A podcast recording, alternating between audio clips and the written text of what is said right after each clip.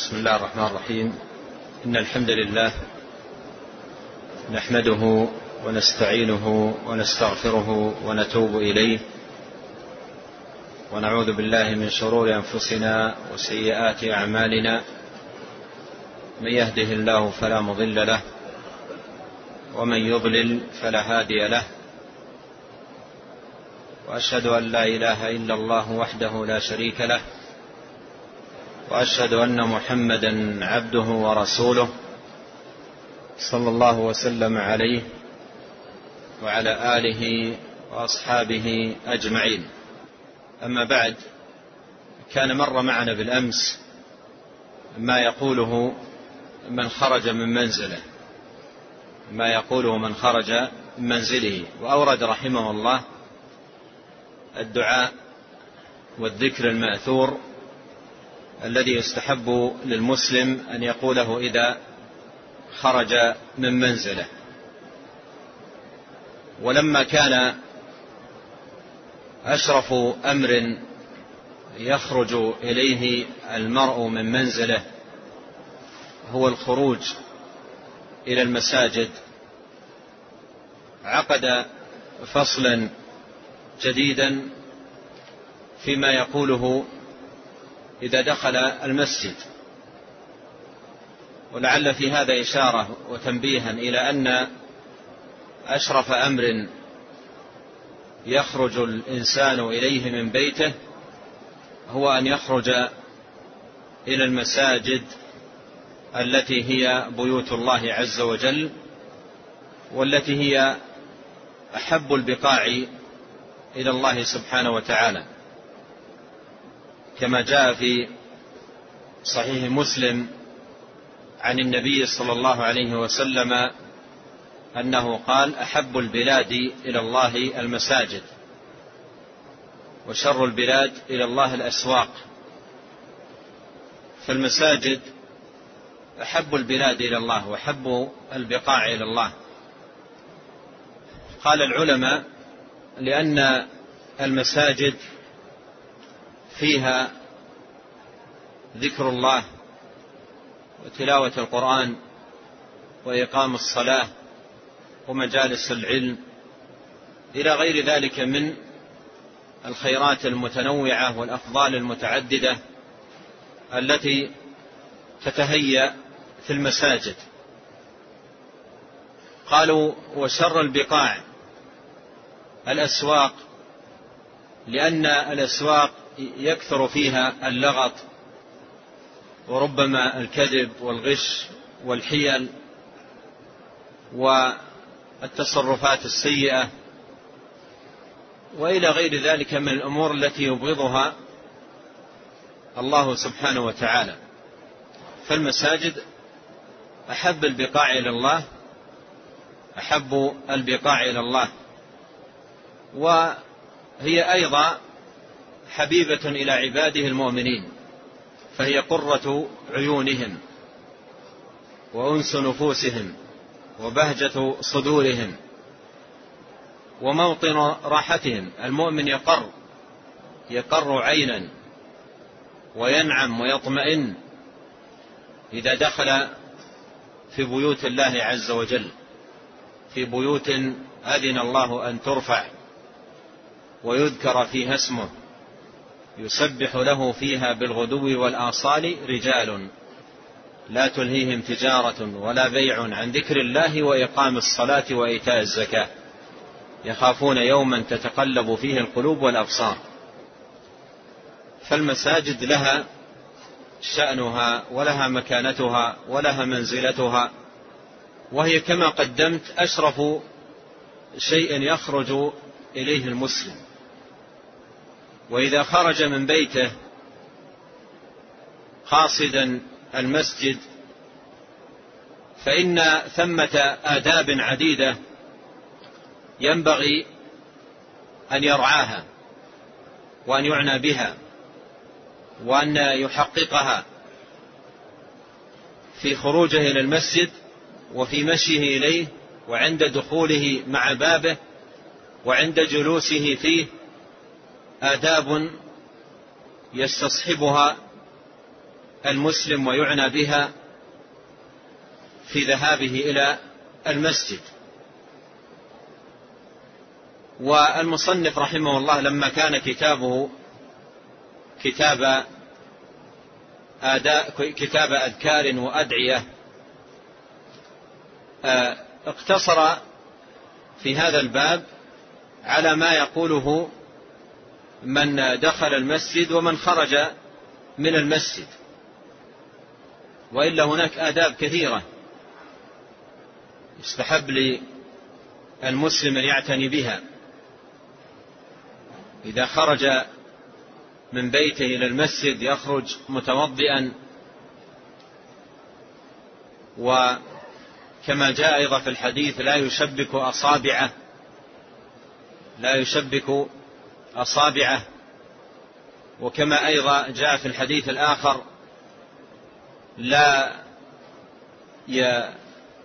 يسعى سعيا وإنما يمشي مشيا كما قال عليه الصلاة والسلام إذا أقيمت الصلاة فأتوها وأنتم تمشون ولا تأتوها وأنتم تسعون. وعليكم بالسكينة وعليكم بالسكينة. فمن أدب الذهاب إلى المسجد أن يكون ذهابه إلى المسجد بسكينة.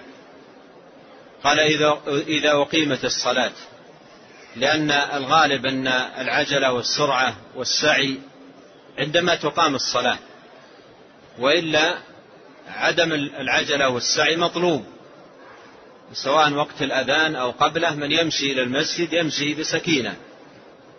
يمشي بسكينة ووقار بهدوء وطمأنينة. ويذكر الله عز وجل في طريقه إلى المسجد بالذكر المشروع أو بالدعاء المشروع وهو في صحيح مسلم. يقول اللهم اجعل في قلبي نورا وفي سمعي نورا وفي بصري نورا ومن أمامي نورا ومن خلفي نورا وعن يميني نورا وعن يساري نورا ومن فوقي نورا ومن تحتي نورا وعظم لي نورا. يدعو بهذا الدعاء وهو في الطريق. والدعاء بهذا الدعاء العظيم المبارك في طريق آه، المسجد هو في غاية المناسبة لأن النبي عليه الصلاة والسلام أخبر عن الصلاة أنها نور. قال الصلاة نور. وفي الحديث الآخر الذي في المسند أن الصلاة ذكرت عند النبي صلى الله عليه وسلم فقال من حافظ عليها كانت له نورا وبرهانا ونجاة يوم القيامة. ومن لم يحافظ عليها لم يكن له نور ولا برهان ولا نجاة يوم القيامة. وحشر مع قارون وفرعون وهامان وأمية بن خلف وهؤلاء وأبي بن خلف وهؤلاء صناديد الكفر وأعمدة الباطل. يحشر معهم. يحشر معهم يوم القيامة. إذا كان مضيعا للصلاة غير محافظ عليها. الشاهد قوله من حافظ عليها كانت له نورا فالصلاة نور. ولهذا استحب لمن خرج إلى هذا النور أن يسأل الله النور في طريقه. وأن يكون سؤاله لله تبارك وتعالى النور سؤالا عاما. بحيث أو سؤالا تفصيليا بحيث يشمل النور كل أجزائه وجميع أعضائه ويحيط به من كل جانب.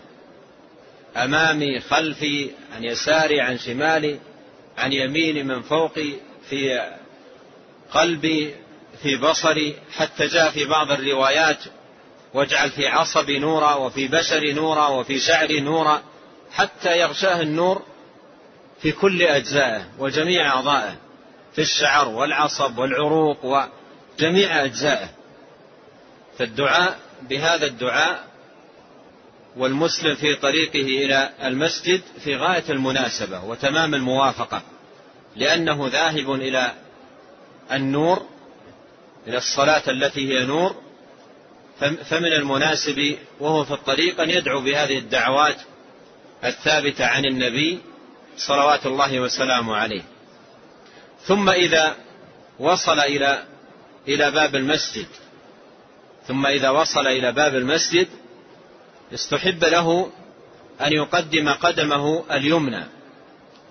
لأن النبي عليه الصلاة والسلام يحب التيمن فيقدم قدمه اليمنى عند دخوله إلى المسجد. ثم يأتي بالأذكار المأثورة في هذا الباب وسيأتي إيرادها عند المصنف رحمه الله والكلام عليها. ثم إذا دخل المسجد يبادر إلى أداء تحية المسجد لقوله عليه الصلاة والسلام إذا دخل أحدكم المسجد فلا يجلس حتى يصلي ركعتين. والصحيح أن هاتين الركعتين حتى في وقت النهي مثل بعد العصر أو بعد الفجر إذا دخل المسجد وأراد أن يجلس فلا يجلس حتى يصلي ركعتين تحية للمسجد. ثم إذا جلس في المسجد يجلس متأدبا بآداب المسجد ويشغل وقته فيه بما يقربه من الله عز وجل وينال به رحمته لأنه قال ويدخل مع باب المسجد وافتح لي أبواب رحمتك. وأبواب الرحمة يحتاج الإنسان معها إلى عمل وإلى تقرب وإلى حسن تعبد حسن صلة بالله تبارك وتعالى وقيام بطاعته فيعنى بذلك كله. ويعنى بالأعمال التي تدنيه من رحمة الله. تلاوة القرآن ذكر الله تبارك وتعالى الصلاة حضور حلق العلم ومجالس الذكر فإن شأنها عظيمة فإن شأنها عظيم ومكانتها جليلة. يعنى بذلك كله. يعنى بذلك كله. كذلك يحتسب كل ما كل خطوة خطاها في سيره للمسجد وجلوسه فيه يحتسب ذلك كله ثوابا عند الله عز وجل. قال عليه الصلاة والسلام ألا أدلكم على ما يكفر الله به الخطايا ويرفع به الدرجات؟ قلنا بلى يا رسول الله. قال إسباغ الوضوء على المكاره. وكثرة الخطى إلى المساجد وانتظار الصلاة بعد الصلاة فذلكم الرباط. قال عليه الصلاة والسلام من غدا إلى المسجد وراح أعد الله له نزلا في الجنة كلما غدا أو راح فكل ذلك يحتسبه. عند الله عز وجل يرجو به ثوابه ويطمع في نواله ويرجو رحمته ويرجو تحقق سعادته في دنياه وأخراه. فهذه أمور وخيرات يكتسبها المسلم ويجنيها من إتيانه للمساجد واعتياده للمجيء إليها ومحافظته على الصلاة فيها وجلوسه فيها ذاكرا تاليا مصليا راكعا ساجدا. فهذه كلها أبواب خير عظيمة وأبواب بر مباركة. المصنف رحمه الله عقد فصلا يتعلق بالأذكار والدعوات التي يستحب للمسلم أن يقولها إذا دخل المسجد وإذا خرج منه. نعم. الحمد لله والصلاة والسلام على رسول الله. قال المؤلف رحمه الله فصل في دخول المسجد والخروج منه.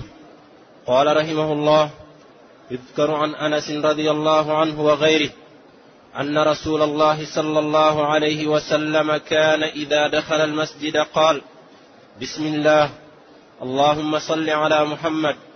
وإذا خرج قال بسم الله اللهم صل على محمد.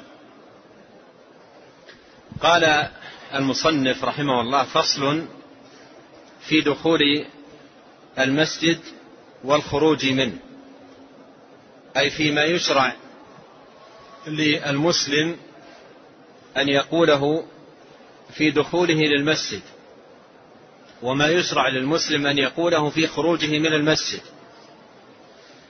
فإن أنواعا من الأدعية والأذكار ثبتت عن النبي صلى الله عليه وسلم في هذا المقام. فمن الحري بالمسلم أن يعرفها وأن يأتي بها في كل دخول وخروج لبيت الله حتى ينال بركة هذه الدعوات وخيرات هذه الأذكار الثابتة عن رسول الله صلوات الله وسلامه عليه. قال رحمه الله يذكر عن أنس وغيره. الحديث حديث حسن بما له من شاهد.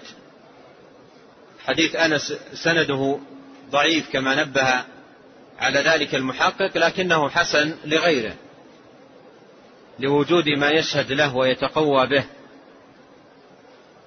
أن رسول الله صلى الله عليه وسلم كان إذا دخل المسجد قال بسم الله. وهذا فيه مشروعية التسمية عند الدخول عند دخول المسجد وكذلك عند الخروج منه. فقولك بسم الله عند دخولك المسجد أي بسم الله أدخل. وفي هذا استعانة بالله عز وجل وطلب عون وتوفيق منه عز وجل فيما جئت لأجله. وأنت جئت للمسجد لأغراض أهمها وأعظمها أداء الصلاة المكتوبة. ولا استطاعة لك على قيام على القيام بشيء من ذلك إلا إذا أعانك الله. وقد كان الصحابة رضي الله عنهم يرتجزون كما جاء في صحيح البخاري يقولون لولا الله ما اهتدينا ولا صمنا ولا صلينا. قد قال النبي عليه الصلاة والسلام لمعاذ بن جبل لا تدعن دبر كل صلاة أن تقول اللهم أعني على ذكرك وشكرك وحسن عبادتك. فإذا دخلت المسجد للصلاة ولطلب العلم ولقراءة القرآن ولذكر الله تبارك وتعالى تسمي تقول بسم الله. وفي هذه التسمية طلب العون. من الله عز وجل أن يبارك لك في هذا الدخول وأن يوفقك فيه وأن يحقق لك في دخولك. هذا ما فيه سعادتك وفلاحك. قال إذا دخل المسجد قال بسم الله. اللهم صل على محمد. اللهم صل على محمد. يقول هذه الدعوة اللهم صل على محمد. بل ويجمع معها السلام يقول اللهم صل وسلم على محمد كما سيأتي في الحديث الذي بعد فليسلم على النبي صلى الله عليه وسلم. فيجمع بين الصلاة والسلام. إن الله وملائكته يصلون على النبي يا أيها الذين آمنوا صلوا عليه وسلموا تسليما صلى الله عليه وسلم. فيجمع للنبي عليه الصلاة والسلام عند دخول المسجد بين الصلاة والسلام. فيقول بسم الله والصلاة والسلام على رسول الله. وقول المسلم في فيما يتعلق بذكر النبي عليه الصلاة والسلام قولها صلى الله عليه وسلم اللهم صل وسلم عليه هذا دعاء. هذا دعاء للنبي عليه الصلاة والسلام. فالصلاة دعاء له. والسلام طلب سلامة. وهذا من أسباب نيل شفاعته صلوات الله وسلامه عليه. الصلاة والسلام عليه. فهي من المؤمنين الدعاء. ومن الله تبارك وتعالى ثناؤه عليه في الملأ الأعلى. إن الله وملائكته يصلون على النبي صلاة الله على نبيه صلى الله عليه وسلم ثناؤه عليه في الملأ الأعلى. وصلاة الملائكة دعاء وصلاة المؤمنين دعاء. قال يقول بسم الله اللهم صل على محمد. وإذا خرج قال بسم الله اللهم صل على محمد. فإذا التسمية والصلاة والسلام على النبي عليه الصلاة والسلام مشروعتان عند الدخول وعند الخروج نعم. قال رحمه الله وعن أبي حميد أو أبي أسيد رضي الله عنهما قال قال رسول الله صلى الله عليه وسلم إذا دخل أحدكم المسجد فليسلم على النبي صلى الله عليه وسلم وليقل اللهم افتح لي أبواب رحمتك وإذا خرج فليقل اللهم إني أسألك من فضلك. حديث صحيح. وقد خرجه مسلم بنحوه. ثم أورد رحمه الله حديث أبي حميد أو أبي أسيد رضي الله عنهما. قال قال رسول الله صلى الله عليه وسلم إذا دخل أحدكم المسجد فليسلم على النبي صلى الله عليه وسلم. إذا جمعت هذا مع الحديث الذي قبله يجتمع من ذلك مشروعية الصلاة والسلام على رسول الله صلى الله عليه وسلم. الجمع بينهما عند الدخول وعند الخروج. فتقول عند دخولك بسم الله والصلاة والسلام على رسول الله وتقول عند خروجك بسم الله والصلاة والسلام على رسول الله. قال وليقل اللهم افتح لي أبواب رحمتك. هذا عند دخوله.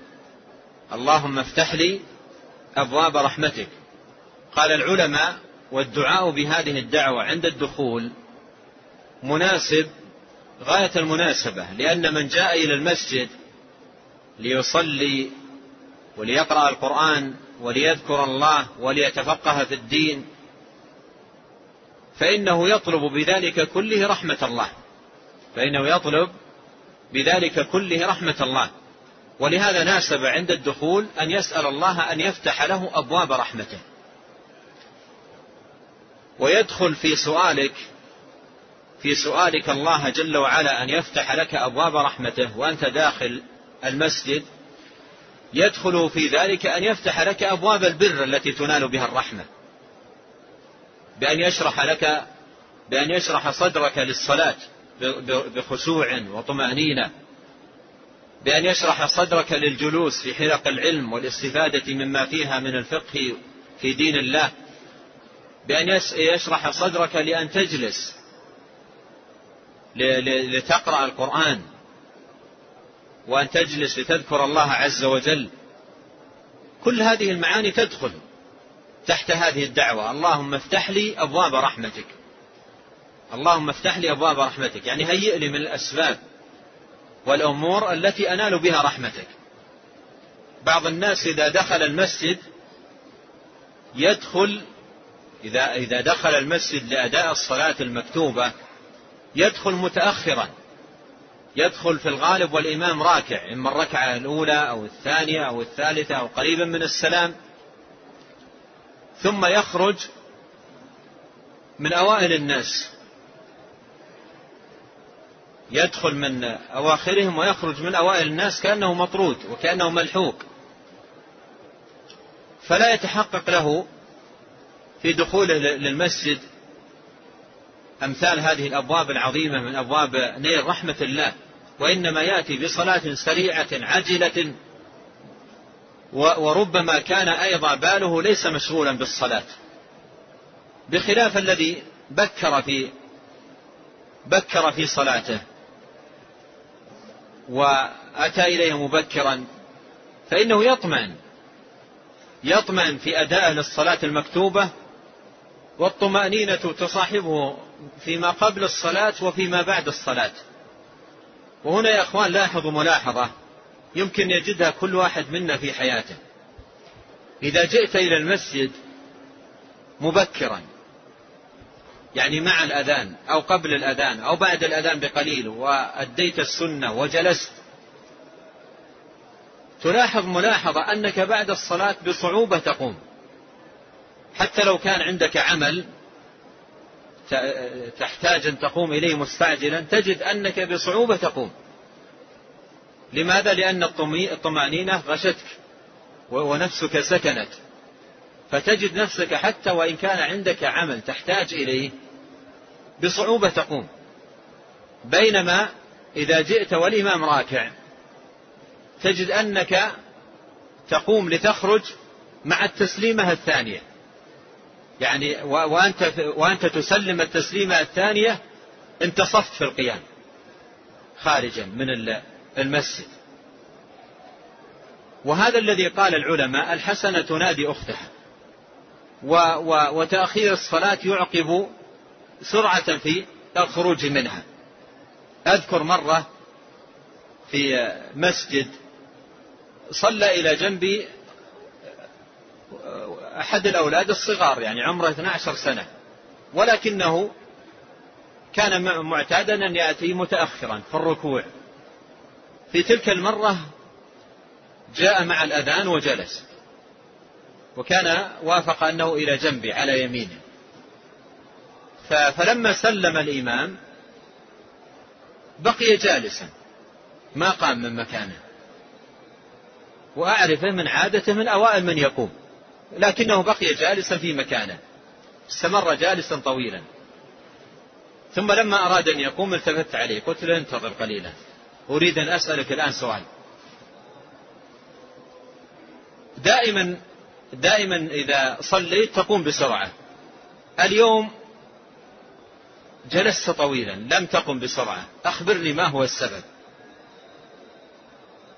فأخذ يفكر قلت له أنا أخبرك. السبب أنك جئت مبكرا وهذه من ثواب التبكير. أعطاك الله عز وجل هذه الطمأنينة لتجلس بعد الصلاة. هذا من ثوابه. ولما يأتي الإنسان متأخرا في الركوع الركعة الثانية أو الثالثة تجده مجرد ما يسلم يمشي يدفع دفعا ويخرج من المسجد. ولهذا ما ينبغي الإنسان أن يحرم نفسه من من التبكير. الشاهد هنا قوله افتح لي أبواب رحمتك. أنت إذا دخلت إلى المسجد في أبواب ليس بابا واحدا وأيضا لاحظها في قوله هنا أبواب رحمتك. أبواب عديدة. إذا دخلت إلى إلى المسجد. تحتاج إليها. هل تحظى بنصيب عظيم من هذه الأبواب عندما تكون صفتك في مجيئك المسجد تأتي سريعا ومع الناس الذين يتدافعون عند الأبواب جريا حتى يدرك الركعة ثم يدركها وهو يلهث من التعب. وما أن يسلم يخرج. يحرم نفسه. دخول المسجد في أبواب كثيرة من أبواب الرحمة. لكن هذه الأبواب تحتاج إلى أشياء أيضا. ولهذا لاحظ الآداب التي أشير إلى بعضها في مقدمة الدرس. آداب كثيرة في خروجك المسجد. لا تأتوها وأنتم تسعون وأتوها وأنتم تمشون وعليكم بالسكينة لا تشبك بين أصابع. كل هذه الأمور تهيئ لك مجالا رحبا لتنال من هذه الأبواب العظيمة من أبواب الرحمة التي تنال في دخول المساجد. إذا إذا دخلت المسجد وسميت وصليت وسلمت على رسول الله عليه الصلاة والسلام قل بعد ذلك اللهم افتح لي أبواب رحمتك. ثم بعد هذه الدعوة تسبب يا أخي. بعد هذه الدعوة تسبب. أنت دعوت الآن فتسبب يعني ابذل السبب الذي تنال به رحمة الله. ومن الأسباب أن تجلس المسجد إن كان مجلس علم إن كانت تلاوة قرآن إن كان ذكرا لله إن كانت طمأنينة وخشوعا إلى غير ذلك. تسبب. لا تحرم نفسك من الخير. فإذا مع الدعاء بقولك اللهم افتح لي أبواب رحمتك أتبع الدعاء بذل السبب. أتبع الدعاء بذل السبب وهيئ نفسك لتنال من أبواب الرحمة. قال اللهم افتح لي أبواب رحمتك. وإذا خرج فليقل اللهم إني أسألك من فضلك. اللهم إني أسألك من فضلك. في الدخول أبواب رحمتك. وفي الخروج قال اللهم إني أسألك من فضلك. وهذا أيضا مناسب لحال الخروج غاية المناسبة. فإذا قضيت الصلاة فانتشروا في الأرض وابتغوا من فضل الله. وابتغوا من فضل الله. إذا أنهيت الصلاة واطمأنيت وذكرت الله وأديت هذه الطاعة وخرجت فأنت تخرج مصالح وحاجيات لك فتسأل الله من فضله. تسأل الله عز وجل من فضله أن يعطيك من فضله العظيم. قال وإذا خرج فليقل اللهم إني أسألك من فضلك. اللهم إني أسألك من فضلك. هذا في خروجه من المسجد. نعم.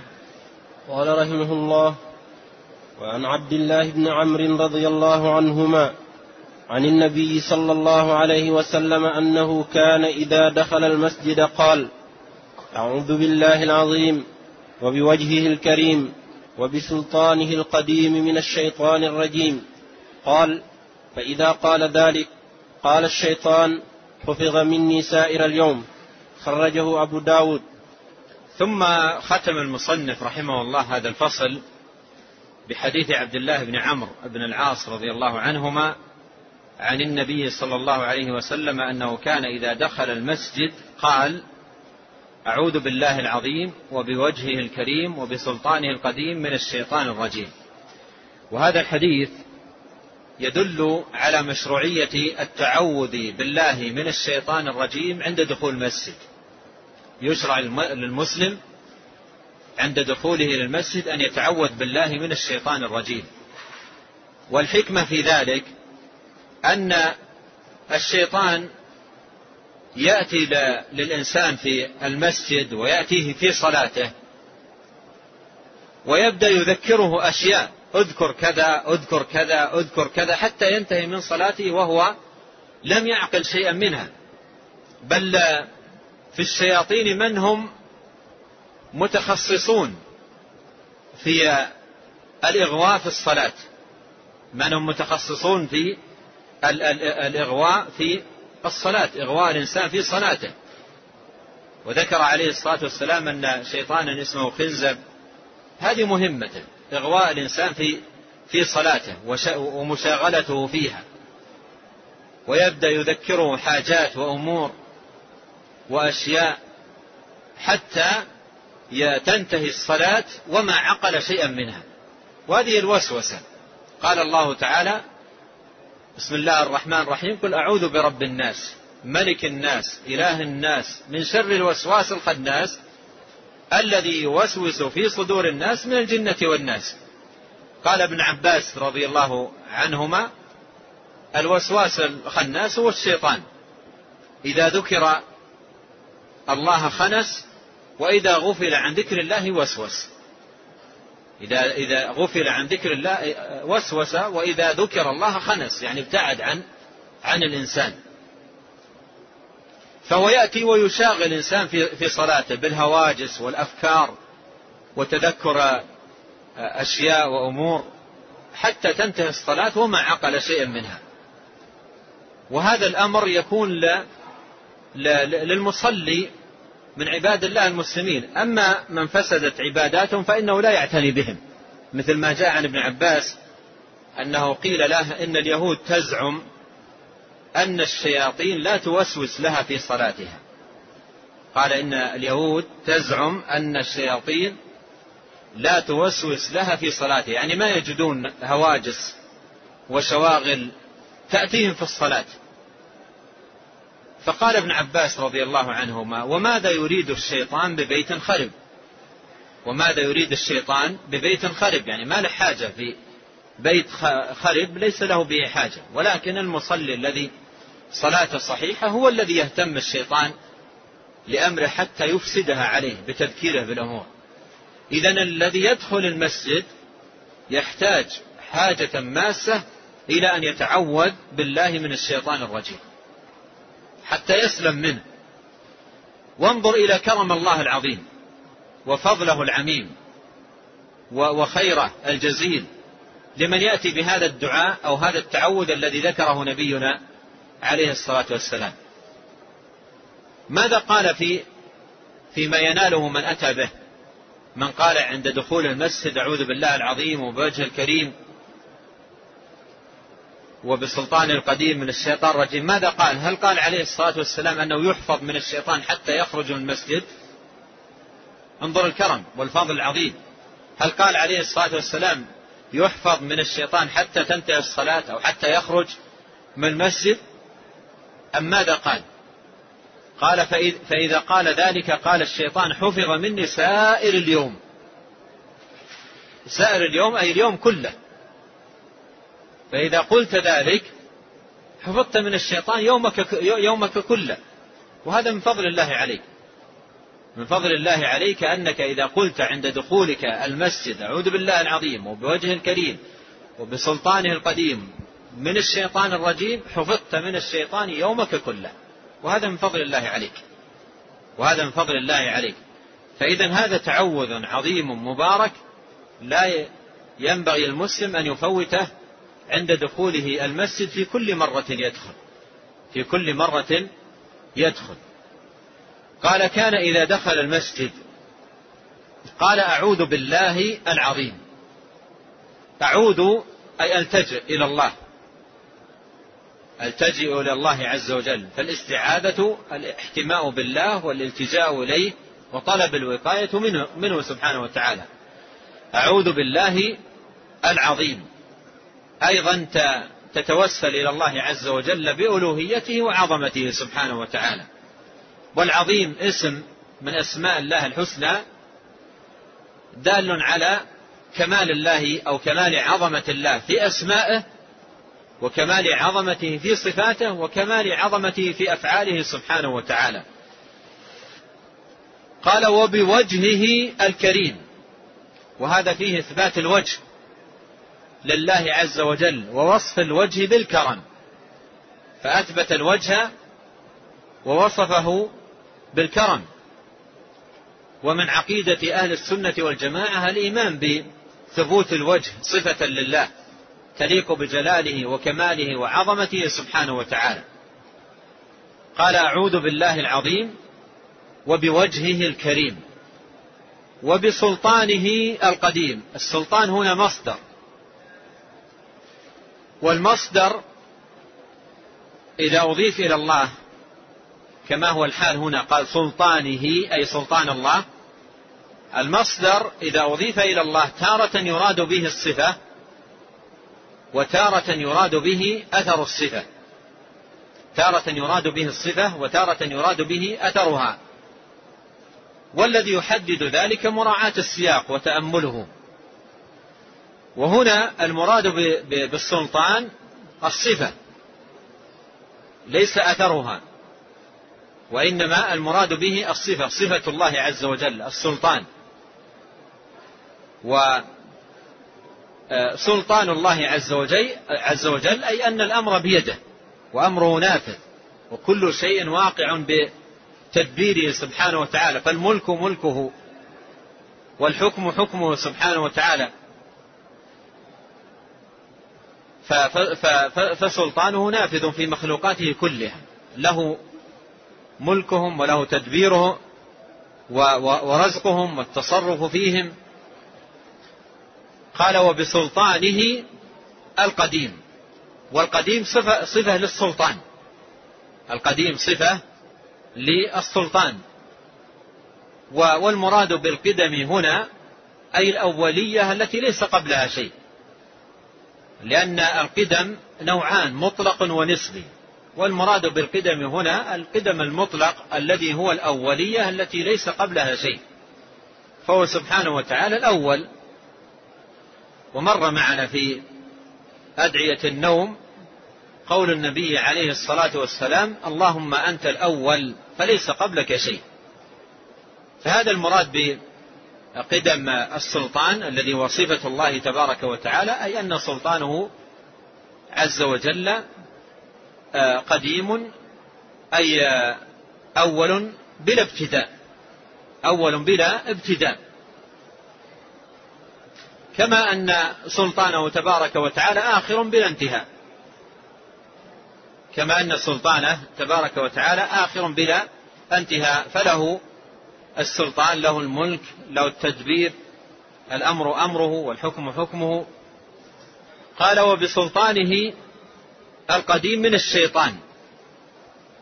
وهذا المتعوذ منه الشيطان. المتعوذ بالله منه هو الشيطان. الرجيم هي المبعد والبعيد المرجوم.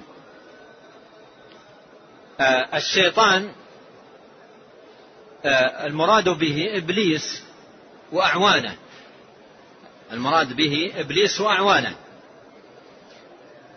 والشيطان من شطن بمعنى بعد من شطن بمعنى بعد ولهذا من بعد عن طاعة الله عز وجل وكان من المغوين من الضالين المضلين يكون شيطانا سواء كان إنسيا أو جنيا.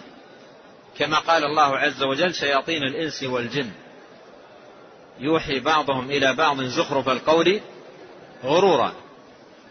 قال وبسلطانه القديم من الشيطان الرجيم قال فإذا قال ذلك قال الشيطان حفظ مني سائر اليوم. ومعنى سائر أي جميع اليوم.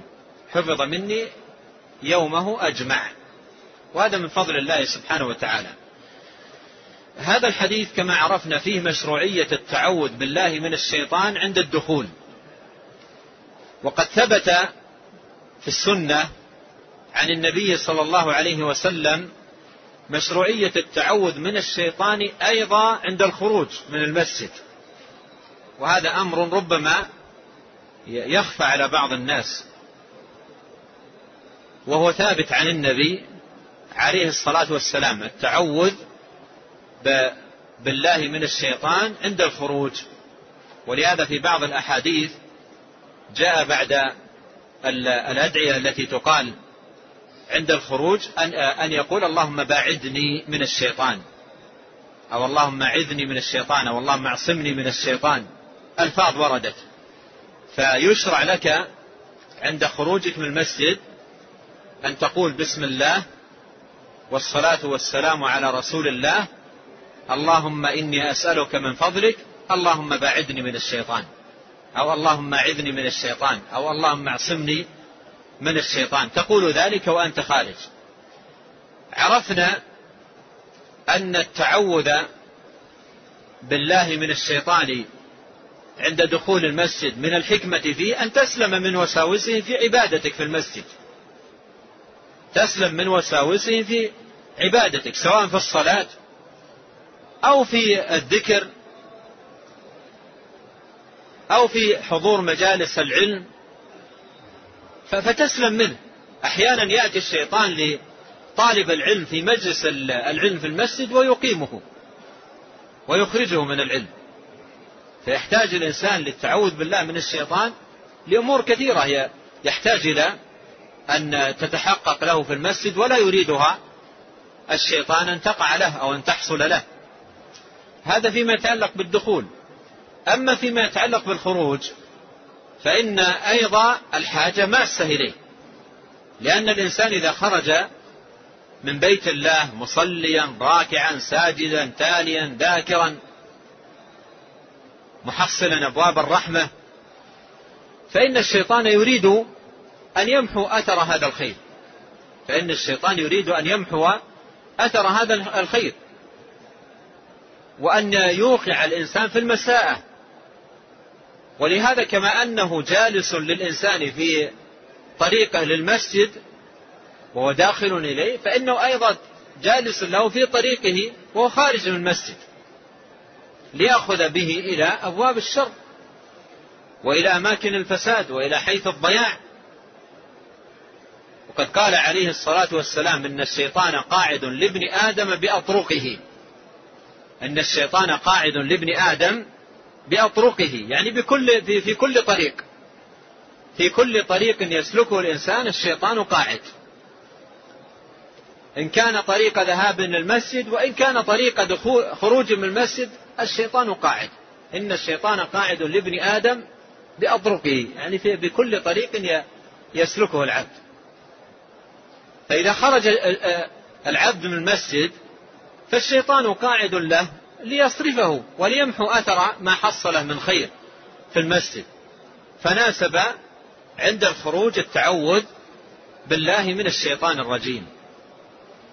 إذا عند دخولنا المسجد مجموع ما دلت عليه هذه الروايات أن تقول بسم الله والصلاة والسلام على رسول الله اللهم افتح لي أبواب رحمتك أعوذ بالله العظيم وبوجهه الكريم وبسلطانه القديم من الشيطان الرجيم.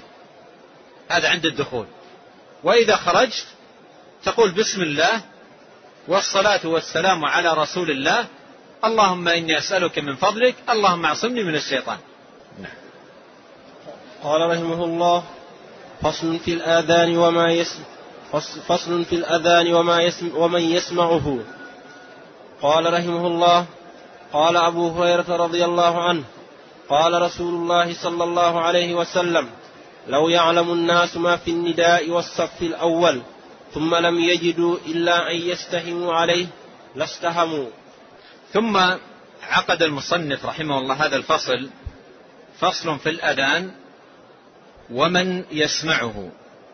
الأذان النداء للصلاة بالألفاظ المعلومة. بالألفاظ المعلومة الواردة في سنة النبي صلى الله عليه وسلم والآتي ذكرها عند المصنف رحمه الله. قوله في الأذان أي في مشروعية الأذان وفي فضله وما يترتب عليه من الثواب.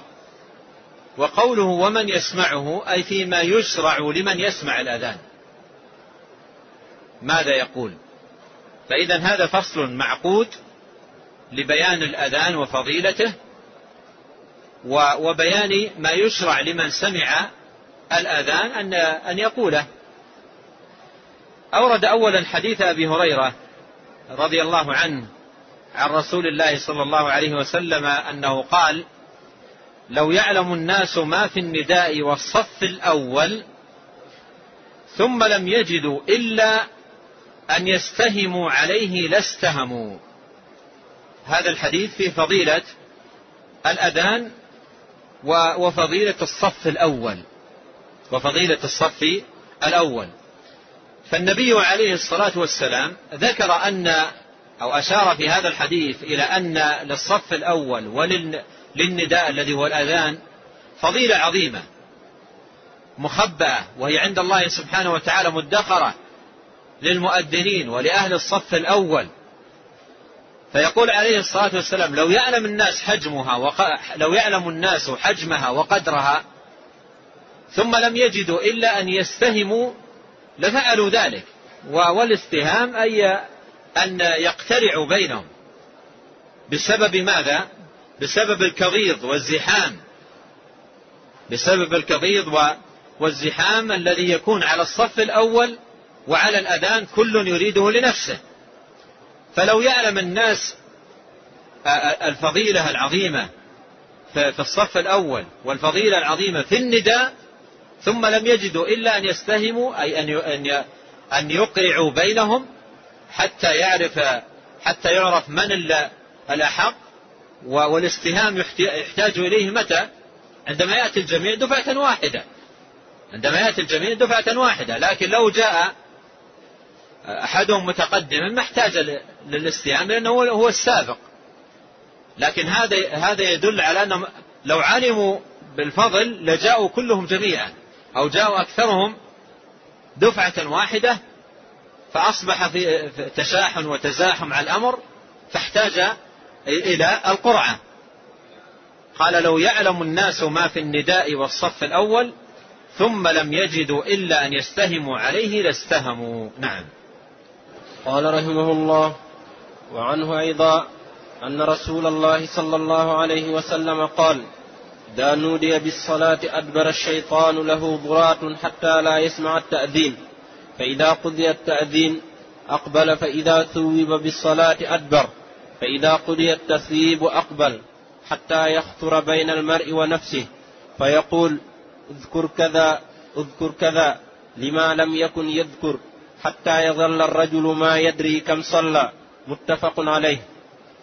ثم أورد هذا الحديث عن أبي هريرة رضي الله عنه وهو في فضل الأذان أن رسول الله صلى الله عليه وسلم قال إذا نودي بالصلاة أدبر الشيطان له ضراط حتى لا يسمع التأذين. حتى لا يسمع التأذين. أدبر أي ولى أعطى المكان الذي فيه الأذان دبره وولى هاربا هذا يكون من الشيطان عندما يسمع الأذان. وهذا يدل على أن صوت الأذان يزعجه ويصك مسامعه ولا يستطيع أن يبقى في المكان الذي فيه الأذان. لا يستطيع أن يبقى. وهذا فيه فضيلة التوحيد لأن الأذان ألفاظه ألفاظ توحيد وتكبير. وتعظيم لله تبارك وتعالى. والتوحيد يطرد الشيطان. التوحيد يطرد الشيطان. ولهذا جاء في الحديث أن من قرأ آية الكرسي التي هي آية التوحيد لم يزل عليه من الله حافظ ولا يقربه شيطان حتى يصبح.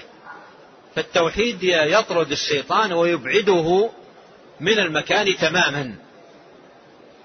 و و وانظر قوة إبعاد كلمات التوحيد التي في الأذان للشيطان. قال عليه الصلاة والسلام إذا نودي بالصلاة أدبر الشيطان أي ولى هاربا له ضراط أي يخرج من دبره هذا الصوت وهذا من شدة الأذى والهلع الذي يحصل له عندما يسمع ألفاظ الأذان مدوية وهذا النداء المبارك مجلجلا فإنه يولي هاربا ولا يستطيع أن أن يبقى ويخرج منه هذا الصوت. قال حتى لا يسمع التادين يعني فراره وهروبه وابتعاده وإجباره عن المكان من أجل أن لا يسمع التأذين ثم إنه يبقى بعيدا يبقى بعيدا إلى أن ينتهي الأذان. يبقى بعيدا إلى أن ينتهي الأذان ثم يرجع.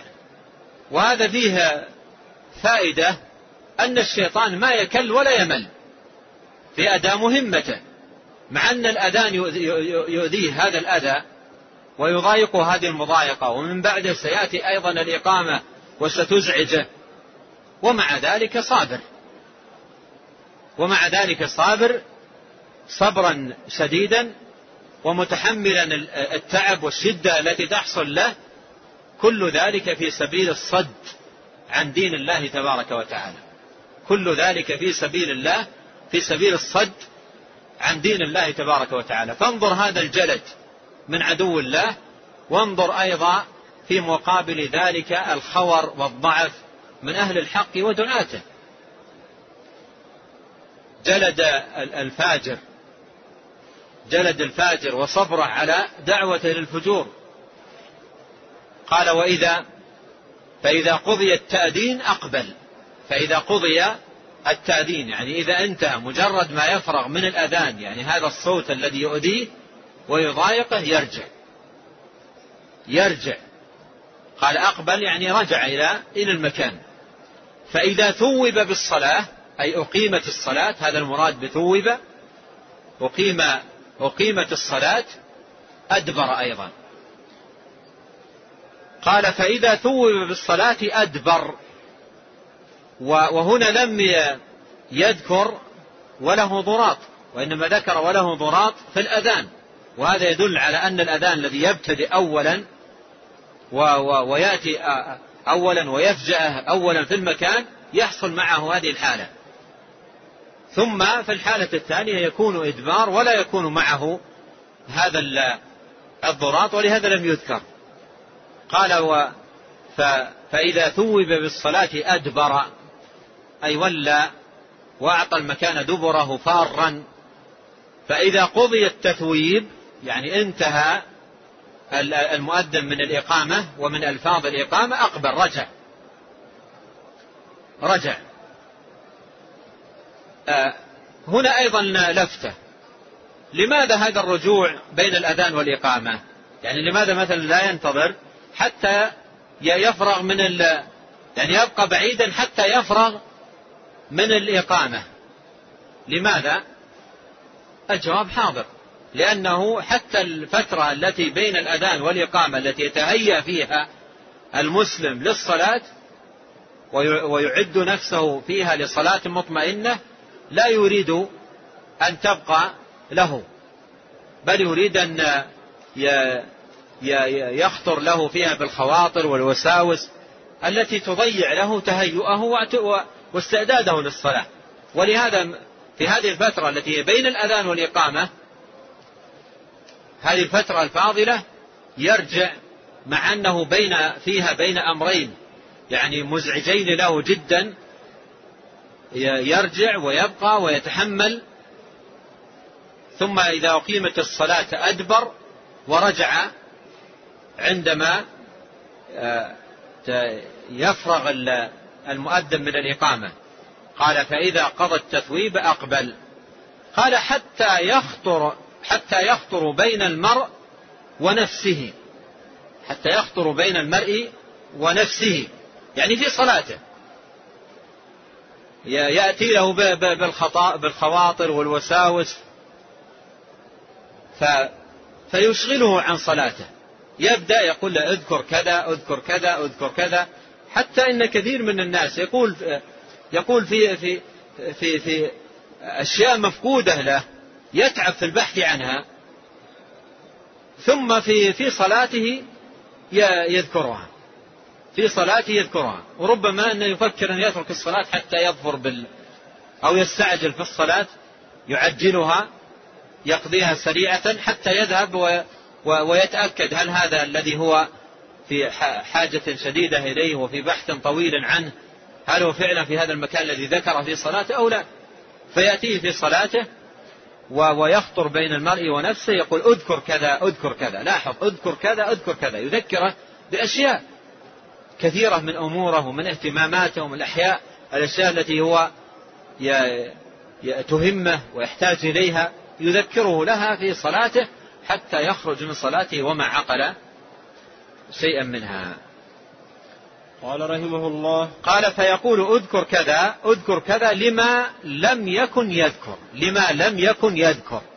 يعني الأشياء التي فقدها أو أشياء نسيها اشياء هو بحاجة إليها لما لم يكن يذكر. أما الأشياء التي آه، تذكرها وتعرف أماكنها ما يذكرك بها لأنها ما تأخذ منك اهتماما. لكن أشياء لا تذكرها وفي ذكرك لها انشغال قلب هي التي يذكرك بها. هي التي يذكرك بها. يذكرك بما لم تكن تذكر. أما الأشياء التي منك على بال وتذكرها لا يعتني بها ولا يحفل بها. هذا هذا هو السبب. لأنه إذا ذكرك بما لم تكن تذكر ما الذي يحدث؟ الذي يحدث أنك ذهنك ينشغل من أول الصلاة إلى آخرها. قال حتى يظل الرجل ما يدري كم صلى. حتى يظل أن يصير. معنى يظل أن يصير. ظل وجهه مسودا أي صار وجهه. فيظل أن يصير. الرجل ما يدري كم صلى. بسبب هذه الأشياء التي ذكرها ذكره إياها الشيطان ثم ينتهي من الصلاة ولا يدري كم صلى ولا يدري ماذا قرأ ولا يدري ما. ولهذا جاء في الحديث عن النبي عليه الصلاة والسلام أن الرجل يصلي وليس له من صلاته إلا نصفها إلا ربعها إلا ثلثها إلا عشرها. يعني آه، ليس له إلا ما عقل منها. والشيطان يريد من الإنسان ألا يعقل من صلاته شيئا. وإن لم يستطع ذلك ضيع عليه جزءا كبيرا من صلاته. نعم. قال رحمه الله وقال أبو سعيد سمعت رسول الله صلى الله عليه وسلم يقول لا يسمع مدى صوت المؤذن جن ولا إنس ولا شيء إلا شهد له يوم القيامة. خرجه البخاري. ثم أورد حديث أبي سعيد وهو أيضا في فضيلة الأذان في فضيلة الأذان وفي عظيم ثواب المؤذنين عند الله سبحانه وتعالى. قال قال رسول الله صلى الله عليه وسلم لا يسمع مدى صوت المؤذن جن ولا إنس ولا شيء إلا شهد له يوم القيامة. إلا شهد له يوم القيامة أي شهد له بذلك. كل من يسمع كل من يسمع صوت المؤذن يشهد له يعني ينطقه الله تبارك وتعالى يوم القيامة بالشهادة له. حتى الجبال تشهد له. حتى الأشجار تشهد له. كما قال عليه الصلاة ولا شيء.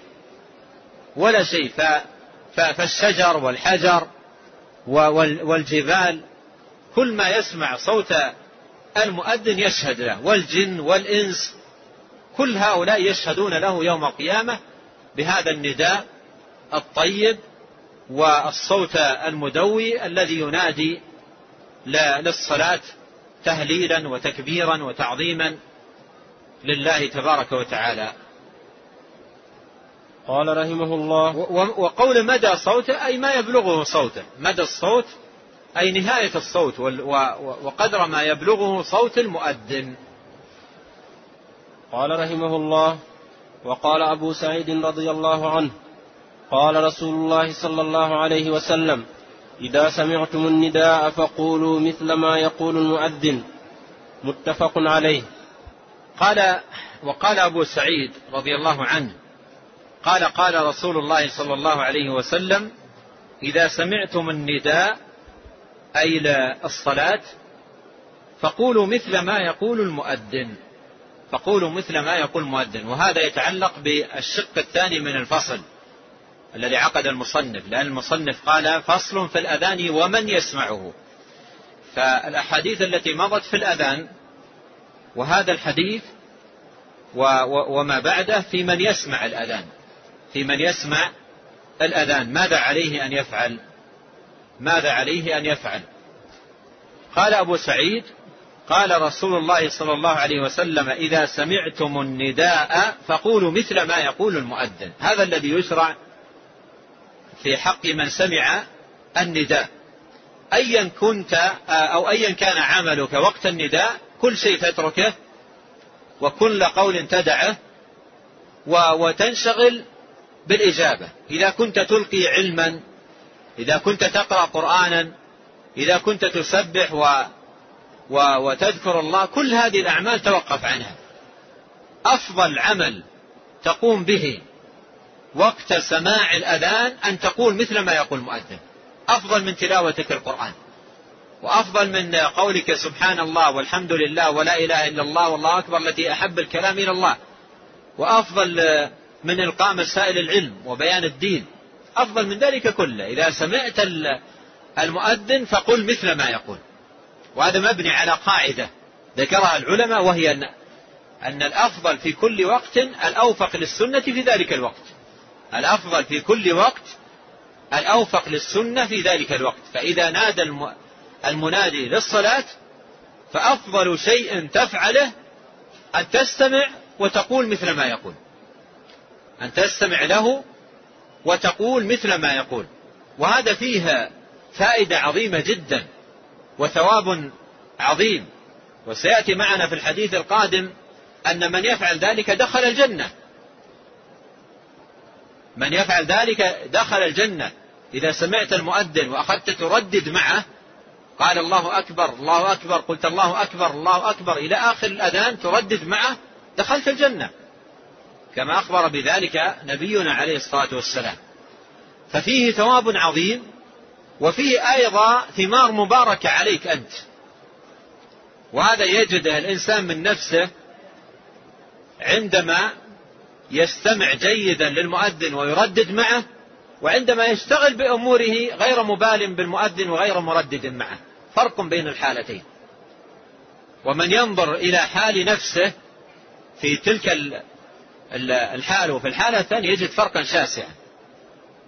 إذا سمعت المؤذن وتوقفت عن أعمالك وأخذت تصغي له جيدا وتردد معه بطمأنينة تجد أن هذا أكسب قلبك سكونا طمأنينة حبا للمسجد تحركا له تبكيرا إلى غير ذلك من الخيرات الكثيرة التي تنشأ عن هذا الاستماع والترديد. ولهذا غالب غالب من يأتون إلى المساجد والإمام راكع غالب من يأتون للمساجد والإمام راكع أو في نهاية الصلاة ما أرعوا الأذان اهتماما. ما أعطوا الأذان اهتماما. وغالب من من يأتون مبكرين الأذان له شأن عندهم وسماع الأذان له شأن عندهم. ولهذا سماع الأذان والترداد مع المؤذن ما ينبغي المسلم أن يفرط فيه. للخيرات العظيمة الكبيرة الجليلة التي يحصلها و و و ويكتسبها عندما يردد مع مع الأذان. عندما يردد مع الأذان يستمع جيدا ويردد معه. قال عليه الصلاة والسلام إذا سمعت إذا سمعتم النداء فقولوا مثل ما يقول. فقولوا مثل ما يقول المؤذن. يستثنى من ذلك كما سيأتي في الحديث القادم إذا قال حي على الصلاة حي على الفلاح لا تقول مثل ما قال وإنما تقول لا حول ولا قوة إلا بالله. فهذا مستثنى وبقية ألفاظ الأذان تأتي بها كما تسمعها من المؤذن. قال رحمه الله وخرج مسلم عن عبد الله بن عمرو رضي الله عنهما أنه سمع النبي صلى الله عليه وسلم يقول إذا سمعتم المؤذن فقولوا مثل ما يقول ثم صلوا ثم صلوا علي فإنه من صلى علي صلاة صلى الله عليه بها عشرا ثم صلوا الله لي الوسيلة فإنها منزلة في الجنة لا تنبغي إلا لعبد من عباد الله وأرجو أن أكون أنا هو فمن سأل, فمن سأل لي الوسيلة حلت له الشفاعة. آه الحديث الكلام على هذا الحديث نرجئه إلى درس الغد بإذن الله تبارك وتعالى والله تعالى أعلم وصلى الله وسلم على نبينا محمد.